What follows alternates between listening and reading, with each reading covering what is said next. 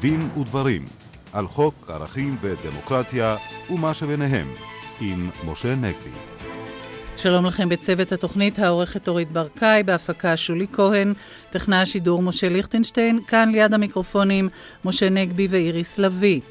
העמותה למשפט ציבורי בישראל תדון גם היא בסוף השבוע בקיסריה, בפולמוס המתמשך סביב מינויו וסמכויותיו של היועץ המשפטי לממשלה.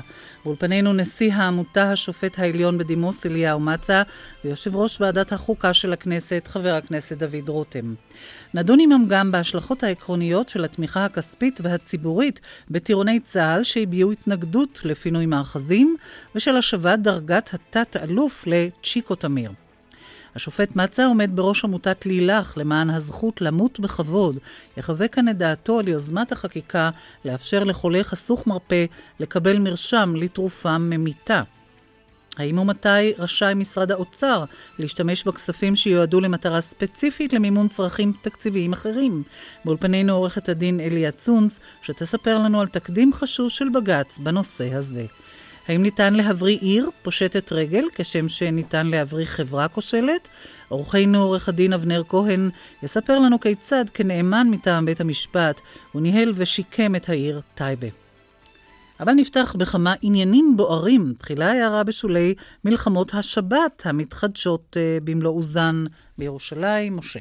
אין ספק, איריס, שמטריד מאוד uh, לראות uh, קיצונים חרדים הופכים מה שהתחיל כהפגנה חוקית ברישיון להתפרעות אלימה, כולל יידוי אבנים באזרחים תמימים, אה, תקיפת עיתונאים, אפילו תקפו נציג של אה, סיעת יהדות התורה אה, בעיריית ירושלים, שעמדותיו לא מצאו חן ביניהם. אבל אני חייב לומר שעד כמה שהדבר הזה מטריד, מטריד אותי שבעתיים לשמוע אתמול באמצעי התקשורת ולקרוא גם היום בעיתונים על אוזלת היד המוחלטת של רשויות החוק מול התופעה הזאת. אני שומע ששוטרים בכלל לא הגיעו למקום ההתפרעות הזאת. אני שומע שאף בן אדם לא נעצר בעקבות מעשי התקיפה החמורים האלה. וזה מטריד אותי אפילו יותר מההתפרעות עצמה, כי זה שוב חוזרת ונשנית התופעה האיומה והנוראה, ולדעתי גם הממארת מבחינת שלטון החוק במדינת ישראל, שעל פי הרשויות אכיפת החוק מניפים דגל לבן נכנעים פשוטו כמשמעו לכל גילוי של אה, אלימות או עבריינות שבאה על רקע אידיאולוגי. אה, ואי אפשר להימנע מהתחושה שהם פשוט מפחדים להתעמת עם אותה אה, אלימות אידיאולוגית. ואני רוצה לומר שהתופעה הזאת, כמו שאמרתי, היא חוזרת ונשנית והיא קיימת לפחות שנות דור. אני אומר שנות דור, מקובל לומר שדור זה פלוס מינוס 30 שנה, לפני 30 שנה בקירוב היה פסק דין ידוע של בית המשפט העליון בדיוק בנושא הזה.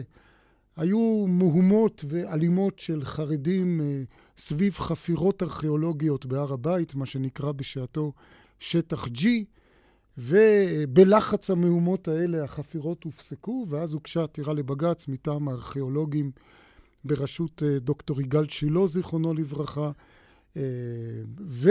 בעקבות זה כתב השופט לנדאו, מי שהיה אז נשיא בית המשפט העליון, כתב את הדברים הבאים, שכמו שאנחנו רואים, אולי לצערנו, אה, לחם לא נס. וכך אמר השופט לנדאו, ואני מצטט, אין להיכנע בשום אופן ללחץ של הפגנות אלימות מצד חוגים קיצוניים המבקשים לכפות בדרך זו את רצונם על רשויות המדינה.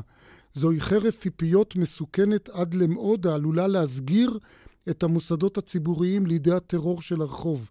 במדינת חוק אין להרשות בשום אופן שהפתרון יבוא בכוח הלחץ הפיזי של מהומות אלימות. אלימות מולידה אלימות נגד, ומדינה שבה כל דאלים גבר הורסת עצמה מבפנים. כמובן שהתופעה הזאת של הנפת דגל לבן מול אה, אה, עבריינות אידיאולוגית זה לא דבר שייחודי לנושא החרדי, כבר אמרנו את זה לא פעם ולא פעמיים. ואני רוצה לעבור לכותרת מטרידה מאוד אחרת. והיא אותם אה, הצהרות תמיכה וגיוסי כספים פומביים לטובת אותם טירונים שהניפו את הכרזה נגד אה, פינוי מאחזים בעת השבעתם אה, בכותל. אז אמנם רשויות החוק היו מאוד גיבורות על חלשים, כמו שאומרים, ואת הטירונים שלחו אה, אה, למעצר כזה או אחר, וגם הדיחו אותם אה, מאותה יחידה קרבית שהם שירתו בה, וזה כמובן ראוי וטוב. אבל הרשויות מגלות שוב רפיסות ואין עונות מוחלטת מול אותם אנשים שא', הסיתו אותם לעשות את זה, ב', שהיום מגייסים כספים לטובתם, מביעים בהם תמיכה. מדוע? כי אותם אנשים הם אנשים רבי עוצמה. מדובר במנהיגי ציבור, ברבנים, אה, גם הופיע נדמה לי שם חבר כנסת אחד באותו אירוע של אה, אה, גיוס כספים.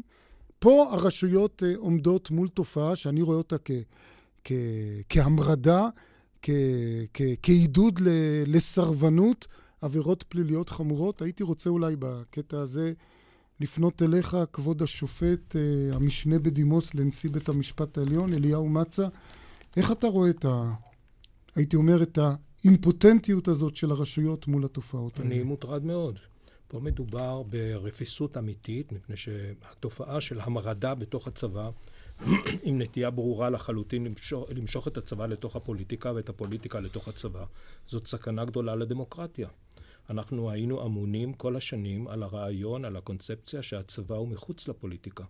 והנה אנחנו רואים שיש חיילים שבעידודם של גורמים פוליטיים חיצוניים, מכריזים הכרזות, אילו, אילו פקודות הם יבצעו ואילו פקודות הם לא יבצעו, כאילו הצבא היה איזו תוכנית כבקשתך של איזשהו מגזר בתוך הציבור, ולא כלי שמצוי בידה של המדינה שהיא תפעיל אותו על פי הבנתה ועל פי ההחלטות הלגיטימיות של הממשלה.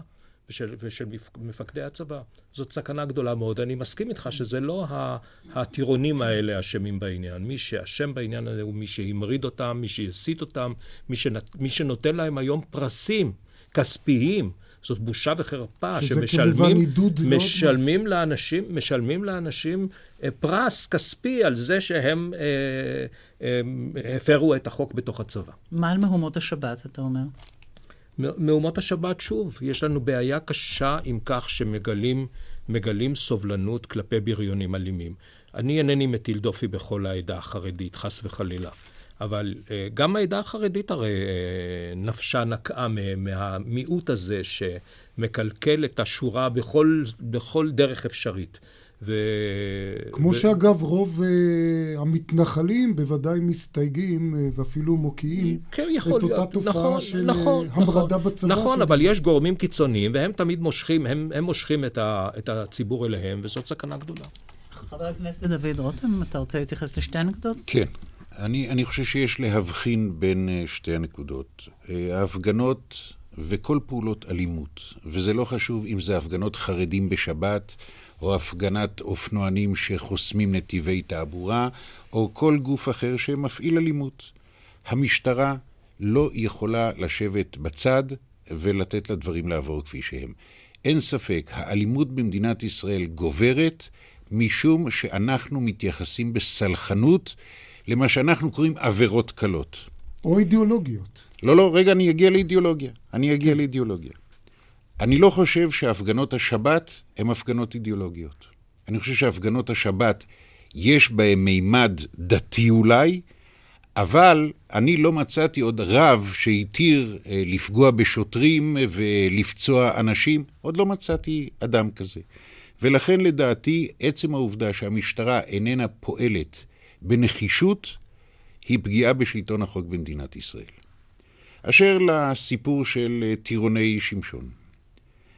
תראו, קודם כל, תופעת הסרבנות במדינת ישראל היא תופעה לא חדשה. זה לא המתנחלים, זה לא הימין.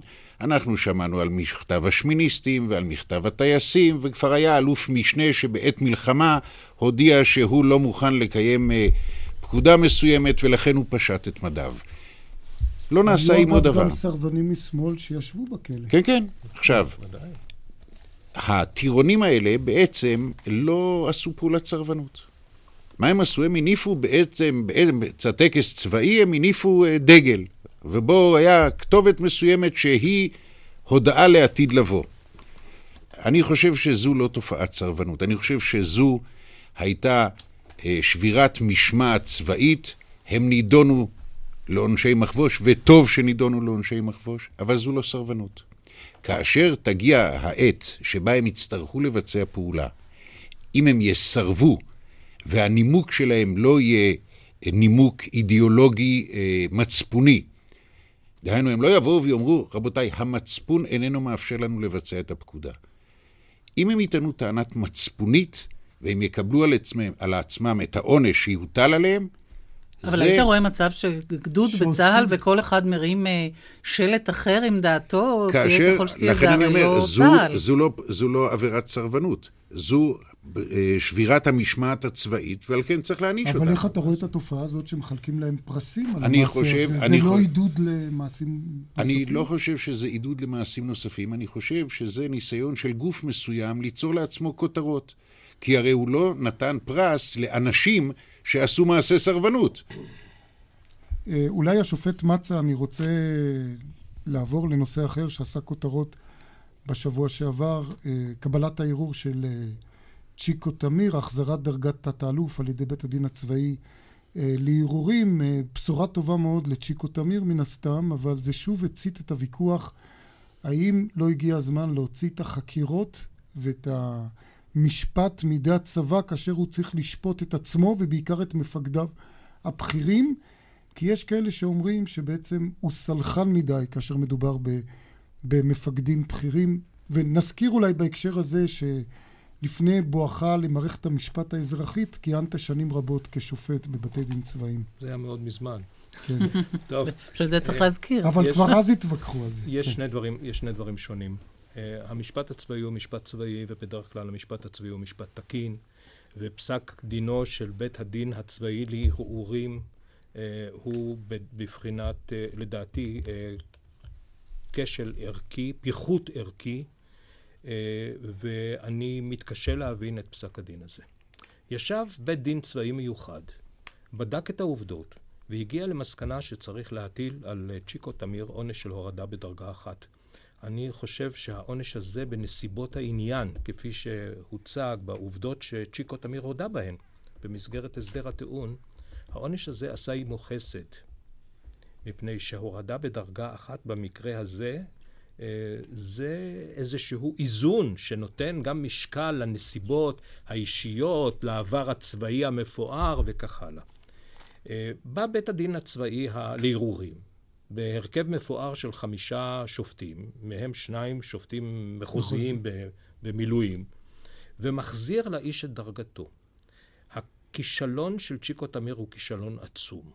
דבר ראשון, הוא השתמש ברכב מבצעי למטרות פרטיות. הטרקטורון הזה זה לא רכב שירות שקצין בדרגתו מקבל, זה רכב, זה רכב מבצעי. באותה הצלחה זה יכול להיות, אני לא יודע, איזשהו רכב אולי יותר גדול, במקרה היה טרקטורון. זחלם. ז... כן, שלא נדע. ה- ה- טוב שהוא ה- לא בחיל האוויר, אחרת היה משתמש במטוס. כן, נותן, נותן לילד בן 15, ב... נותן, הוא מנחה בעצם את הנהג שלו לאפשר לילד, והילד נוהג, ואחר כך הוא אומנם מדווח למפקד המשטרה הצבאית הפיקודית שהייתה איזושהי תאונה, אבל אה, מסתיר את העובדה שהיה נזק, מסתיר את העובדה שהוא עשה הסכם עם המעורב השני בתאונה, שלא להביא את זה לחקירה ולבדיקה, אלא לגמור את העניין ביניהם, הוא ישלם את הפיצויים. ואחר כך, במסגרת הטופס, על הדוח, על התאונה, שמוגש באיחור של יותר משבועיים מהתאריך, שק... מהזמן שקצוב בחוק להגשת דיווח כזה, אה, מדווח בחתימתו שמי שנהג בטרקטורון בזמן התאונה היה הנהג שלו. והעניין הזה בעיני בית הדין הצבאי לערעורים איננו מצדיק את ההורדה בדרגה אחת, זה כישלון חמור של אמינות הקצין. אני תוהה זה מה כישלון היה... של צה"ל בעניין אני, אני הזה. תוהה מה היה אה, צ'יקו תמיר עושה אם מישהו מפקודיו, מפקד חטיבה בדרגת אלוף משנה, היה עושה את הדבר הזה. האם הוא היה משלים עם המשך השירות שלו בצבא? ודבר נוסף, איך הוא ידרוש היום דיווח אמת מן הפקודים שלו? הרי כשהוא יבוא בטענה למישהו מהקצינים שלו שהוא לא מסר דיווח אמת ולכן הוא יעמיד אותו לדין משמעתי או ימחהו וכולי וכולי, יגיש נגדו תלונה, הוא יגיד לו מה אתה רוצה ממני, מי אתה? הרי אתה ש... מסרת דיווח כוזב ויצאת בשן ועין לפני בית הדין המיוחד. הדבר האח- האחרון שאני רוצה להגיד, מפסק הדין של בית הדין הצבאי לערעורים נובע, שאחת, אולי השיקול המרכזי, שבגללו החזירו לשיקו תמיר את הדרגה, וקבעו תקופת צינון של שנתיים, שזה כאילו כמו פוליסת ביטוח שבעוד שנתיים הוא יהיה אלוף. זה פחות או יותר הרעיון, זה מפני שהצבא אה, איננו יכול לוותר על שירותיו.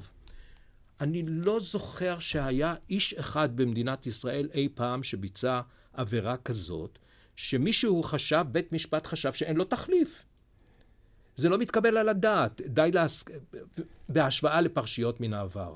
דוגמה בולטת, אה, אורי בן ארי, עליו השלום. כן, עם השק סוכר. שק כן. סוכר שחייל ביחידה שלו לקח הביתה, והוא אמר שהמפקד ידע מזה. אז היה גם שר ביטחון בשם בן גוריון. נכון, והוא הלך הביתה, והוא כן. הלך הביתה. וכשהיה מאוד מאוד צריך אותו, במלחמת ששת הימים, החזירו אותו במילואים. אה, חבר הכנסת דוד רותם, האם... אני רוצה להגיד אולי עוד מילה כן. אחת. משווים את העניין הזה לפארס. עימאד פארס. אה, אני חושב, ראשית אני חושב שעימאד פארס הוא מקרה יותר קל מהמקרה של צ'יקו תמיר. במקרה של עימאד פארס הוא לפחות, הוא עזב את הצבא. ולא מדובר בקטין. ולא, ולא מדובר בקטין, מדובר באישה שיש לה רישיון נהיגה, כי רק הפרה את הפקודה שאסור לנהוג ברכב הצבאי למישהו מבני המשפחה. אבל הפתרון האמיתי הוא לא שאימת פארס יוחזר לצבא, כמו שדורשים עכשיו דורשי טובתו, אלא שאדון צ'יקו תמיר במחילה יפרוש לחיל המילואים. אה, חבר הכנסת רותם, השאלה מה המסקנות מכל מה שאמר לנו השופט מצה. ואני שוב חוזר ושואל אותך, האם לא היית שוקל, ומי כמוך יודע שיש יוזמות חקיקה רבות כאלה, באמת להוציא את החקירה והשיפוט, לפחות בעבירות פליליות שהן לא צבאיות מובהקות, כמו במקרה הזה, להוציא אותו מידי הצבא, שהצבא לא יחקור וישפוט את עצמו. אני לא חושב שבמקרה הזה לפחות הדבר היה מועיל. שהרי אנחנו יודעים שבבית המשפט, בית הדין לערעורים, ישבו שני שופטים שמכהנים כשופטים בבית המשפט המחוזי. פירושו של דבר שגם אם התיק היה מגיע אליהם ב- ב- מחוץ למערכת אולי הצבאית... אולי החקירה אבל הייתה יותר. רגע, החקירה זה שאלה אחרת, אנחנו מדברים כרגע כן. על פסק הדין. עכשיו, אני גם חולק על כבוד השופט מצה בעניין הזה. אני חושב, ויש אמרה של השופט צבי כהן בבית המשפט המחוזי בירושלים, באחד מפסקי הדין שהוא נתן, שחובתה של המדינה להשיב לגיבוריה ביום פקודה. צה"ל צריך אנשים כמו צ'יקו תמיר, והוא נכשל. והעובדה שהוא הורד בדרגה ולקח זמן עד שזה חזר, ללא ספק לימד אותו לקח. העובדה שבמשך שנתיים הוא לא ימלא תפקיד פיקודי. אדם שבמשך עשרות שנים חירף את נפשו בעד המדינה הזאת. אז האם האיש הזה, אנחנו יכולים לוותר על שירותו ולומר לו, טעית, שלם את המחיר, אבל עכשיו גם אנחנו נשלם את המחיר? אני חושב שראוי במקרה כזה שנתחשב גם בעברו, גם בעונש שהוטל עליו, ונשאיר אותו בצבא. עורך דין אבנר כהן, מה דעתך? כן. אה, אני חושב שזה מאוד אה, כאוב שההתייחסות הסלחנית הזאת ותחושת החבר'ה והפרגון הזה לקצינים, אני חש אהדה רבה לקצינים ולקצינים בכירים בצה"ל, אני בעצמי קצין, אבל אני חושב שדוגמה אישית והנושא של למען יראו וייראו, אלה דברים חשובים. אני חושב שהבושה פשטה את הרגל, אם אני אשתמש בביטוי מהתחום שאני עוסק בו. אני חושב שצ'יקו תמיר היה צריך לקום ולהתפטר באופן מיידי, וכל ההתחננות הזאת והניסיון לחזור חזרה, אין אדם שאין לו תחליף. ואני חושב שזה שיש דוגמה אישית כזו, שלילית, זה גם מוביל לתופעות אחרות, ולתופעה שדיברנו עליה קודם, ולהרמת שלטים, משום שהכל נסלח והכל עובר, והכל נשאר במסגרת ה... שמור לי ואשמור לך. לחפף אותה, כן. לחפף, וזה לא מתקבל על הדעת. כן. אני רוצה להוסיף עוד דבר אחד. Uh, התביעה הצבאית בבית הדין הצבאי לערעורים הגנה על פסק הדין המחוזי, המיוחד, של בית הדין המיוחד. Uh, ואני תוהה אם לאור החידוש הבלתי רצוי שיש בפסק הדין של בית הדין לערעורים, התביעה הצבאית שוקלת בקשת רשות ערעור לבית המשפט העליון, כפי שהיא רשאית לעשות על פי סעיף 440ט לחוק השיפוט הצבאי. אמנם שם הדבר מצריך, כיוון שבית הדין עצמו לא נתן רשות לערעור כזה בגוף פסק הדין, זה טעון רשות מאת נשיא בית המשפט העליון ומאת משנהו. והנימוק צריך להיות אה, קיומה של שאלה משפטית שיש בה חשיבות, קשיות או חידוש. במילים אחרות, אותם הקריטריונים של דיון נוסף בבית המשפט העליון אה, יכולים להצדיק ערעור פלילי מבית הדין. אני מבין שאתה ממליץ שהתביעה הצבאית... אני, אני חושב שהתביעה צריכה לפחות לשקול את זה, פן יהיה לנו סחף ותהיינה תופעות כאלה בעתיד, והשאלה היא מספיק חשובה. יש פה איזשהו פיחות ערכי שצריך לבדוק אותו. נסתפק בדברים האלה בנושא הזה, ועכשיו בסוגיית היועץ המשפטי, שאנחנו מדברים בה הרבה, וכולם בעצם, וועדת האיתור אה, מתקשה למצוא יורש למני מזוז, משה.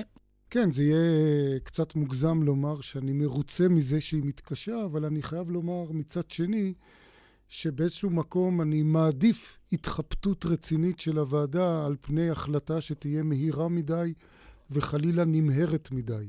צריך לזכור איך קמה ועדת האיתור הזאת, איריס, ואני מזכיר למאזינים שהוועדה הזאת קמה בעקבות המלצות של ועדת שמגר, שהיא קמה בעקבות הפרשה הלא פשוטה של ברון חברון, ששם מתברר שמצב שבו מחליטים חאפ לאפ על מינוי יועץ משפטי לממשלה, בלי שיקול דעת מעמיק, ושההחלטה מתקבלת רק על ידי הדרג הפוליטי, ללא ועדה מסננת, זה יכול להביא חלילה למצב, כפי שקרה לכאורה באותה פרשה, ששר, פוליטיקאי בכיר שמעורב או חשוד אה, בפלילים, יוכל להכתיב מי יהיה בעל העוצמה הזאת של יועץ משפטי לממשלה. לכן ועדת שמגר לא במקרה אמרה לא רק שתהיה ועדת איתור, אלא שיתדרש רוב של ארבעה מתוך חמישה, שזה באמת מקשה, אבל היה פה רצון להקשות. ואני רוצה להזכיר שגם בסיבוב הקודם היה מועמד אחד שוועדת האיתור פסלה אותו, וזה עיכב, ולא קרה שום אסון אגב. אז עד שהתמנה יועץ משפטי חדש, פרקליטת המדינה דאז החליפה אותו, וגם עכשיו זה יכול לקרות, ככה שאני לא רואה שום בהילות. עכשיו, יש שתי דרכים, אגב, להקל על הוועדה. קודם כל, לבטל את הדרישה, שלדעתי היא דרישה מוזרה של הממשלה, שיגישו לה שלושה מועמדים. אם הוועדה מגיעה למסקנה שהיא מצאה רק שניים מצוינים, למה היא צריכה להוסיף שלישי שהוא בעיני הסוג ב', רק כדי שפוליטיקאים יוכלו להעדיף אותו? זה נראה לי מוזר. ב', אני, אני רוצה לומר, אה, אה, זה אה, אה, להבהיר שעל היועץ הבא לא יחול אותו עניין של קיצוץ סמכויות שכל הזמן מנופפים בו, כי לדעתי הסכנה הזאת של קיצוץ הסמכויות מרתיע אנשים מלהגיש את uh, מועמדותם. השופט מצה, איך אתה רואה את הסוגיה בכלל של הקיצוץ באמת והפיצול, אותה סוגיה מפורסמת? אמ, אני uh, לא התבקשתי על ידי שר המשפטים uh, להביע את דעתי אה, ולכן גם לא הלכתי אליו, כי לא הוזמנתי. אה, אומרים שהוא נועץ עם כל מי שרק אפשר היה להיוועץ לפני שהוא הגיש את הצעתו. אה, לגוף העניין, אני דווקא נמנה עם אלה שמחייבים את הפיצול ולא שוללים אותו כעניין של תפיסה.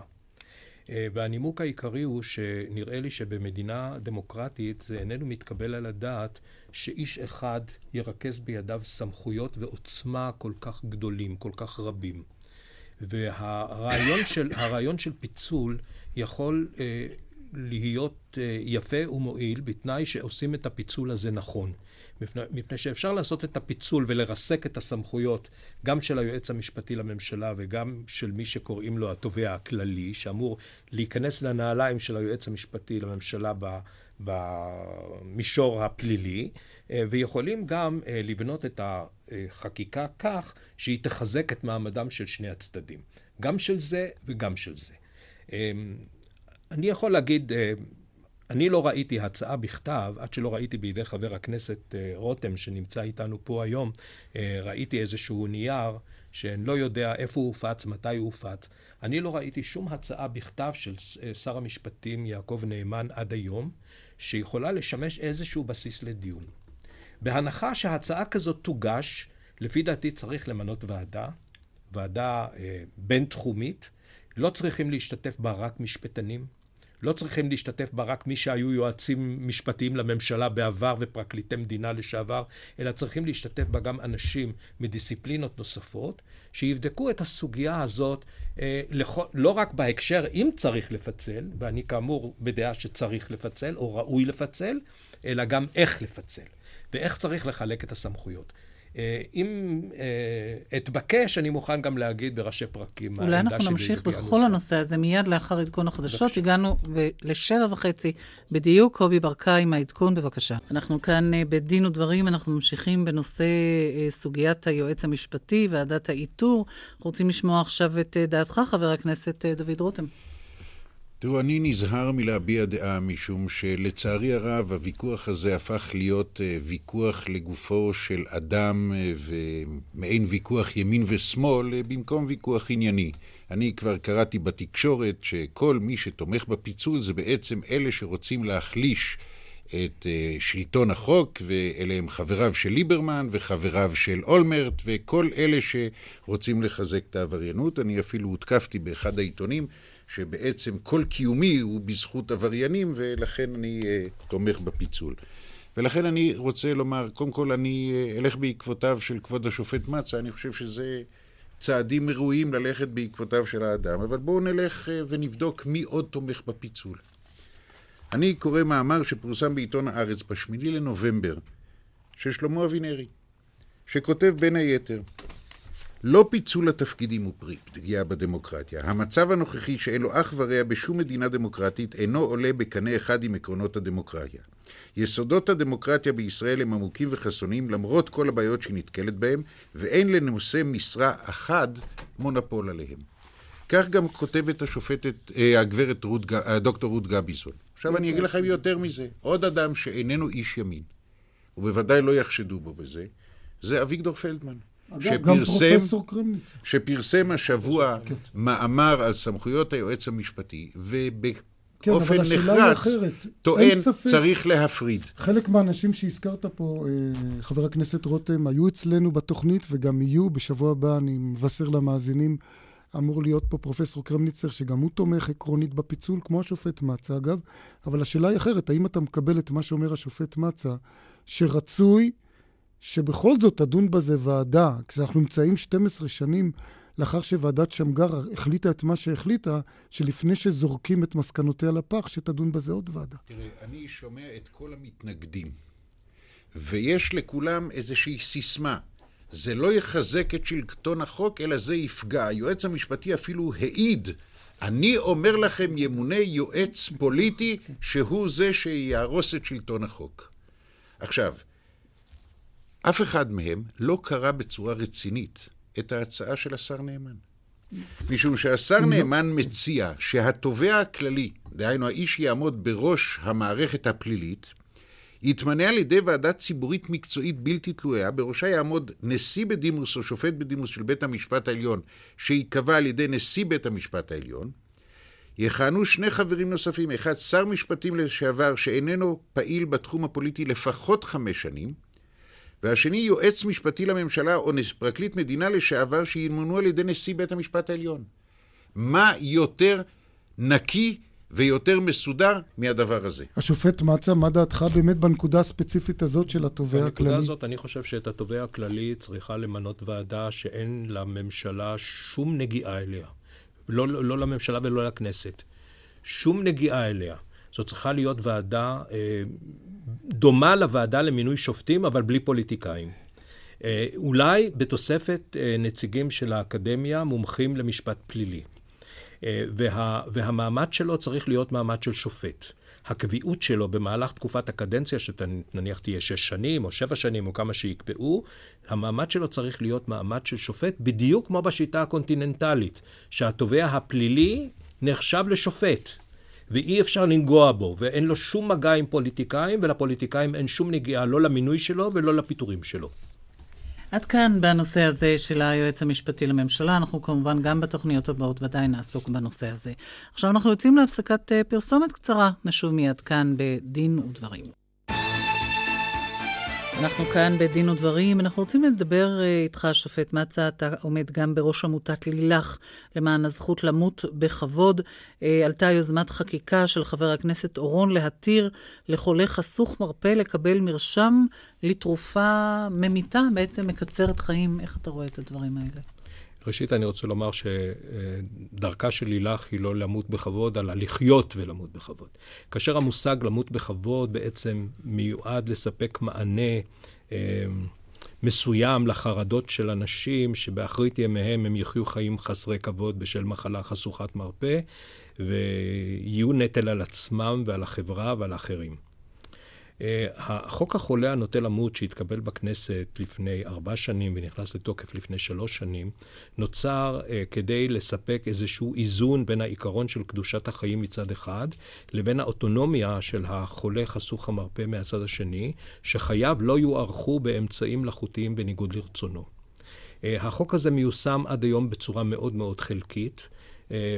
גם בשל היעדר היערכות מוסדית מתאימה בבתי החולים, גם בשל היעדר ציוד מתאים, כמו מכונות הנשמה עם טיימרים, דיברנו על זה בעבר, ועוד. אבל לחוק הזה יש מגבלות קשות. המגבל... אחת המגבלות היא שחולים רבים שהם בבחינת חשוכי מרפא, שדינם נגזר למעשה למוות קשה בייסורים נוראים, אינם כלולים בהגדרה של חולה נוטה למות כמשמעו בחוק. זה דבר אחד. הדבר השני, וזאת מגבלה קשה מאוד, כל מה שהחוק מאפשר לרופאים, הוא להימנע ממתן אה, טיפול רפואי מאריך חיים. באופן פסיבי. באופן כלומר, פסיבי. ההימנעות לא עשייה. ההימנעות כן. ולא, ולא עשייה. עד כדי כך שאנחנו עדים לפרקטיקה שמתקיימת בעצם בחשאי בבתי חולים, מאחורי וילון. של, של רופאים אה, שמוכנים מתוך חמלה כלפי החולה המסכן והאומלל הזה, לעשות עמו חסד ולזרז במידה מסוימת על ידי רישום מינון אה, מוגזם של תרופות אה, תרד. בבריטניה, רק לפני שבוע קראתי באיזשהו עיתון אנגלי, שכל רופא חמישי, כל, כל אחד מחמישה רופאים הודה שהוא עושה את זה באופן קבוע. שהוא עוזר לחולים חשוכי מרפא לסיים את חייהם. אז החוק יוציא את זה לאור ויעשה את זה בצורה... עכשיו, במדינת אורגון, במדינת אורגון בארצות הברית לפני יותר מעשור שנים, התקבל חוק שהכותרת שלו היא הזכות למות בכבוד.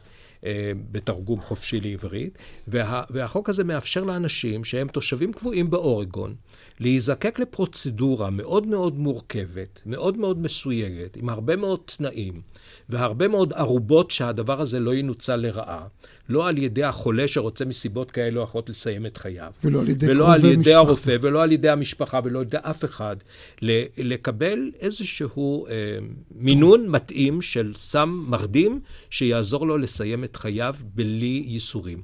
הניסיון עם החוק הזה הוא יוצא מן הכלל. בין היתר, הסתבר, אחרי הסטטיסטיקה, שרק חלק קטן מן החולים שנזקקו למרשם הזה, אכן השתמשו בו. מפני שמצד שני, האחוז של אה, התאבדויות באמצעים אלימים, כמו קפיצה מהמרפסת או קפיצה לתוך פסי הרכבת, האחוז של האנשים שעושים את זה, חולים חשוכי מרפא, פחת בצורה משמעותית מאוד. כלומר, אם האופציה קיימת, לא, לא בהכרח קיימת, משתמשים בה. פתאום, פתאום יש. כן. עכשיו, יש, יש הצעה של חבר הכנסת חיים אורון, שעדיין לא הונחה על שולחן הכנסת. אני מניח שההצעה הזאת... אה, תעורר מחלוקת, תעורר ויכוח, והוויכוח הוא לגיטימי. אני מאוד מקווה שהצעת החוק הזאת, אם היא תידון באמת לגופה וברצינות, ייתכן מאוד שהיא תרחיב במידה מסוימת את התחולה של חוק החולה הנוטה למות, וזה יהיה כמובן רצוי מבחינה ציבורית. נסתפק בדברים האלה בנושא הקשה, הכאוב והחשוב הזה. יש לנו עוד חוב אחד של פרסומת, ואנחנו ממשיכים. אנחנו כאן בדין ודברים, ועכשיו אלייך עורכת הדין אליה צונץ. את שכנעת את בג"ץ למנוע ממשרד האוצר להסיט כספים שיועדו למטרה ספציפית, או לנצל אותם לצרכים תקציביים אחרים. ספרי לנו במה מדובר. נכון, אני הצגתי את בעלי המחצבות בעתירה שהגשנו לבג"ץ בנוגע לכספי הקרן לשיקום מחצבות. מדובר בקרן שהיא גוף סטטוטורי, שנועדה להבטיח שבתום חציבה במחצבות באתרים שונים בארץ, המחצבות ישוקמו באופן שימנעו מפגעים נופיים. יש לה פעילות מבורכת בעשרות מחצבות עד היום. שלא יהפכו למזבלות. שלא יהפכו למפגעים מסוגים שונים. בין היתר הוקמו במחצבות שכאלה אגמים מלאכותיים, יער, פארקים, מסלולי אופניים וכיוצא באלה. ובקופת הקרן הצטברו מעל 300 מיליון שקלים, שהם כולם כספים שבעלי המחצבות שילמו לקרן. עד שיום אחד במשרד האוצר, מי שראו את uh, מאגר האוצר. הכספים הזה, משרד האוצר, uh, לשו עיניים לקרן.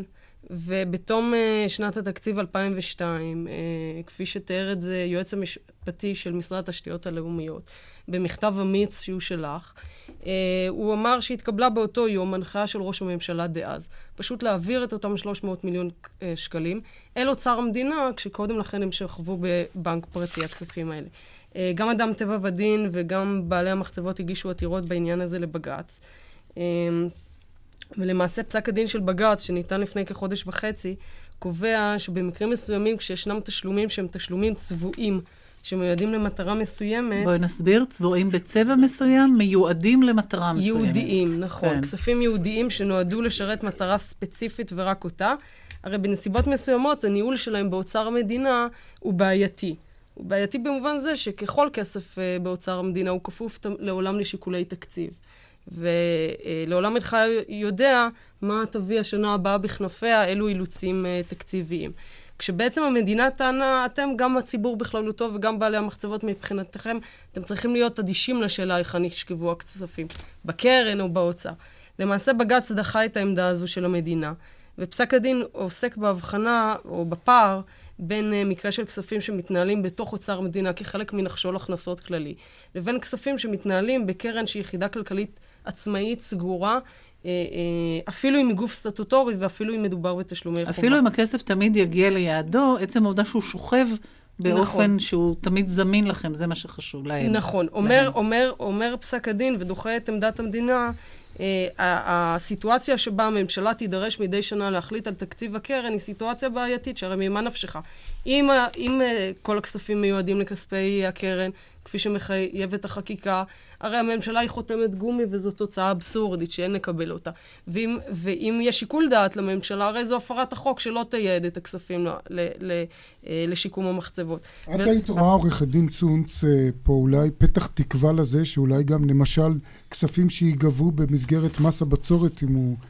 יעמוד בעינו, ינוצלו באמת רק לטובת מים ולא למטרות אחרות? אז אה, כאן אני חושבת שצריך להתייחס לתפקיד שלנו, לתפקיד שלנו כאזרחים, אה, מה אנחנו צריכים לתבוע מהמחוקק, מהכנסת. אנחנו צריכים לתבוע מהכנסת שתשלומי חובה, כמו למשל היטל הבצורת שהזכרת, אה, אה, ישמשו אך ורק למטרה ספציפית, או במקרה הזה דוגמה של פיתוח משק המים. והדרך לעשות את זה היא על ידי תביעה שהכספים יתנהלו בקרן מיוחדת, ולא כפי שנעשה לגבי היטל הבצורת כחלק מהתקציב הכללי. יש פה לקח בשבילכם, חבר הכנסת רותם. יש בהחלט לקח, אבל זה מותנה בחקיקה, ומס הבצורת ממילא עומד להתבטל, אז 아, אה, לא יהיה לנו צורך לעשות כי לנו אמרו שהוא נדחה, אבל אם הוא מתבטל, אז זה מצוין. כן, הוא נדחה ולא יחודש. יש לנו סקופ. כן. כן אוקיי. אז אה, אוקיי, תודה רבה לך, עורך הדין אליה צונץ. אנחנו עוברים אל הנושא הבא שלנו, וזו השאלה, האם ניתן להבריא עיר פושטת רגל, כמו חברה כושלת, באמצעות נאמן שפועל בפיקוח בית המשפט, ועורך דין אבנר כהן, אתה בעצם עשית זאת? כן, ניתן לומר היום, אה, בחלוף שנתיים מאז המועד שבו מוניתי, באוקטובר 2007, אה, שהתוצאות מדברות בעד באיזו עצמן. באיזו עיר? העיר היא עיר אה, ערבית שנקראת טייבה, נמצאת בתוך גבולות הקו הירוק, בתוך מדינת ישראל. אני מוכרח להודות שכשקיבלתי את המינוי עדיין לא ידעתי איפה זה טייבה, מעולם לא הייתי שם לפני זה. ומה, היא הייתה בגירעון? היא הייתה בפשיטת רגל? העיר הייתה בקריסה מוחלטת ולא בפעם הראשונה. זאת אומרת, העיר הזאת כבר עברה ניסיון של תהליך שיקום בסביבות שנת 2000, מונה לנאמן, היה תהליך. התהליך הזה בסופו של דבר נכשל כישלון חרוץ. כל הניסיונות של המדינה למנות אה, ראשי ועדה קרואה, חשבים מלווים וכן הלאה וכן הלאה, הגיעו למבוי סתום. עד כדי כך שבשנת 2007 אה, שר המשפטים ושר הפנים אישרו הגשת בקשה אה, לקבל את עזרת בית המשפט ובעצם לקבל צו להקפאת הליכים. בית המשפט המחוזי בתל אביב, השופטת ורדה אלשיך, אה, נעתרה לבקשה בלב כבד, משום שהתיק הזה כבר הגיע לשולחנה בפעם השנייה, אבל היא אמרה שכשמדובר בחברה, יש תמיד את האלטרנטיבה שהחברה הזאת תסגור את שעריה ותחדול מלהתקיים. אבל כשמדובר בעיר שמונה קרוב ל-40 אלף תושבים, לא ניתן הרי לבוא ולומר, אוקיי, נכשלנו, נסגור את העיר ונשלח את התושבים למקום אחר. אז מה היו בעצם הסמכויות שלך, כנאמן? אז uh, הסמכויות היו סמכויות uh, רחבות וגורפות, בדומה לנאמן בהקפאת הליכים של חברה. כל הסמכויות שקשורות לניהול העיר, ניהול כספי העיר, קבלת החלטות בנוגע לחלוקת התקציבים, כל נושא שקשור לניהול הכספי ולניהול השוטף של העיר, הופקדו בידיי. אפשר לומר?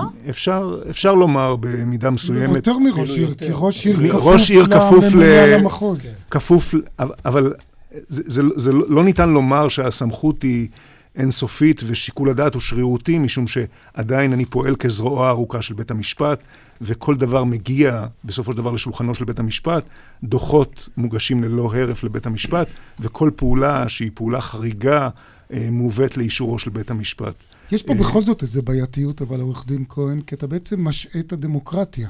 הרי בכל אופן, חברה זה עסק פרטי, אבל עיר אמורה להתנהל בצורה דמוקרטית. איך הרגישו התושבים? לא היה תסכול נורא, או שאולי. זו שאלה, זו שאלה מרתקת, ואנחנו, בגלל הזמן הקצר, יהיה קשה להידרש לה. אבל מה שקורה זה שבערים שקורסות, ממילא הדמוקרטיה מושעת, משום שתהליך של מינוי ועדה קרואה על ידי שר הפנים מהווה בעצם השעיה של הדמוקרטיה. ובעיר טייבה זה כבר קרה, ולא רק בעיר טייבה, בעוד הרבה מקומות שבהם המערכת הפוליטית, הדמוקרטית, נכשלת, באים וממנים ועדה קרואה, אלא מאי? בטייבה גם המינוי של ועדה קרואה נכשל, ומסכת העיקולים המורכבת והכבדה שהוטלה על העיר, שיתקה אותה לחלוטין עד כדי כך שבמשך שלוש שנים עובדים לא קיבלו משכורות. אתם הצלחתם? בסופו של דבר? אנחנו... איזנתם את העיר? איזנו את העיר לחלוטין, ומזה... אה, אני, אני מנהל את העיר בצורה כזאת או אחרת בעזרת צוות מאוד גדול, חלקו עובדי עירייה, חלקו הגדול, העיקרי, קרוב ל-300, לא, קרוב ל-300 עובדים, אלה עובדי העירייה שהם תושבי העיר. יש צוות ממשרדי שמונה כתשעה עובדים, אה, שמטפל באופן אה, אינטנסיבי בשיקום העיר ובניהול שלה, ואנחנו עכשיו נמצאים בתוך תהליך של לבנות את העברת הניהול והשליטה חזרה לידי המערכות של העיר. וכל זה בעזרת משרד הפנים ובעזרת בית המשפט. יפה. העיר מאוזנת העיר ומתפקדת. העיר מאוזנת ומתפקדת. כן, לחלוטין. ואנחנו מסיימים. כן. תודה רבה לכולכם, לכל האורחים היום, לשופט אליהו מצה, לחבר הכנסת דוד רותם, לעורכי הדין אליה צונץ ואבנר כהן, עורכת התוכנית אורית ברקאי, המפיקה שולי כהן. הטכנאי משה ליכטנשטיין, באולפן היינו משה נגבי ואיריס לביא. ניתן להזין לנו באתר רשת ב' באינטרנט, ואנחנו נשוב בשידור חי של דין ודברים ביום ראשון הבא, אחרי חדשות שבע. אחרינו, מגזין המזרח התיכון עם יוני בן מנחם. שלום לכולכם וערב טוב.